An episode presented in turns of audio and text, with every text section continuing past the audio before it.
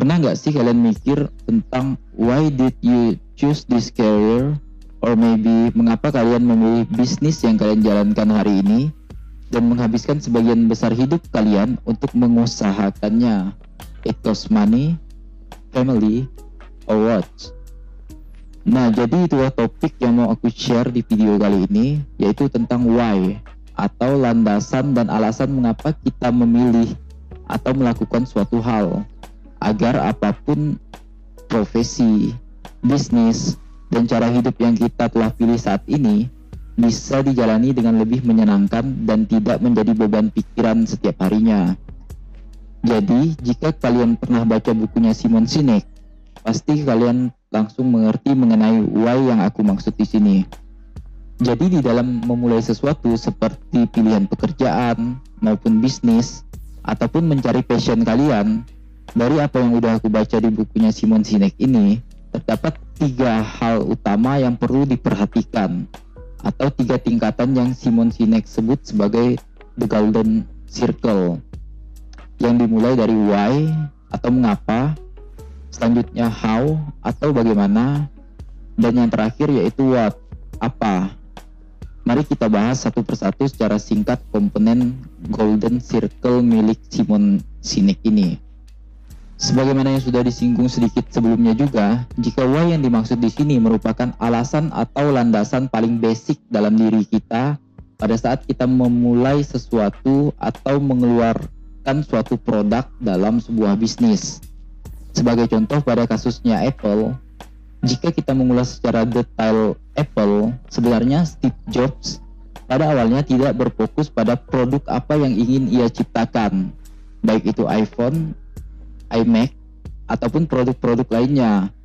Steve Jobs memiliki alasan awal yang kuat di balik setiap produk Apple yang terkenal saat ini, yaitu ia ingin menentang status quo dalam bidang komputer pada masa itu agar semua orang di dunia dapat memiliki komputer pribadi di setiap rumah apa pun latar belakangnya.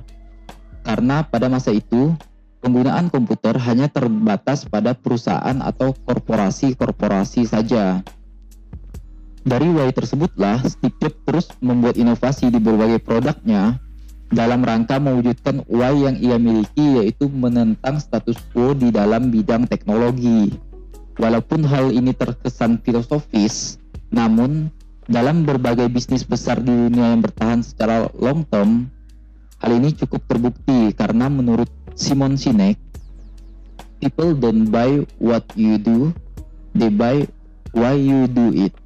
Setelah clear dengan why, persoalan selanjutnya adalah mengenai how atau bagaimana mewujudkan why. Pada tahap ini kita belum berbicara mengenai action, baik itu produk, jika kita berkecimpung di dunia bisnis, maupun pilihan pekerjaan yang diambil jika kita ingin menjadi seorang profesional. Namun lebih kepada planning, yaitu bagaimana langkah atau step by step untuk mewujudkan why yang kita miliki. Jika telah memiliki why, tentu tahap ini akan jadi lebih mudah karena orang yang memiliki why pasti bisa mengerti how atau mencari cara mewujudkannya. Seperti contoh kasus sebelumnya, di mana why yang Steve Jobs miliki yaitu menentang status quo dalam penggunaan komputer pada masa itu, maka how atau bagaimana Steve Jobs melakukan hal tersebut adalah dengan cara melakukan berbagai inovasi atau penyederhanaan dalam industri komputer tersebut agar setiap orang di dunia dapat memiliki komputer pribadi di rumahnya masing-masing. Nah, untuk golden circle yang terakhir yaitu what? Pada tahap ini barulah kita berbicara mengenai action. Hal ini dapat mencakup produk apa yang ingin dihasilkan jika kita berkecimpung di sektor bisnis atau profesi apa yang ingin kita ambil jika kita ingin menjadi seorang profesional.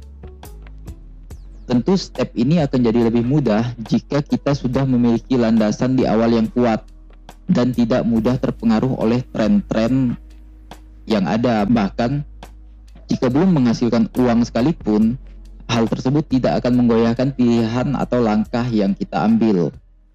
Sebagai contoh, jika kalian memiliki why yaitu ingin memberikan dampak positif bagi lingkungan dan alam agar kelak anak cucu kita masih dapat menikmati apa yang kita rasakan hari ini, Mungkin kalian dapat mewujudkan hal tersebut dengan cara menjadi seorang aktivis, bergabung dengan Greenpeace mungkin, atau mungkin bekerja di sebuah perusahaan yang mengusung konsep produk Go Green. Bahkan kalian bisa membuka bisnis yang berfokus pada pelestarian lingkungan. Adapun konklusi atau kesimpulan mengenai pentingnya mengetahui why yang kita miliki sedini mungkin adalah agar apa pun yang kita lakukan, kerjakan, dan bisnis yang saat ini kita bangun tidak menjadi beban yang justru membebani keseharian kita. Kita pasti akan lebih ikhlas, bersemangat, dan fokus dalam menjalankan profesi atau bisnis yang sedang kita bangun. Karena seseorang yang mengetahui why dalam hidupnya sama saja dengan mengetahui alasan mengapa ia harus bangun dari tidur setiap harinya. Tidak semata-mata hanya perkara uang saja. Terima kasih dan semoga bermanfaat.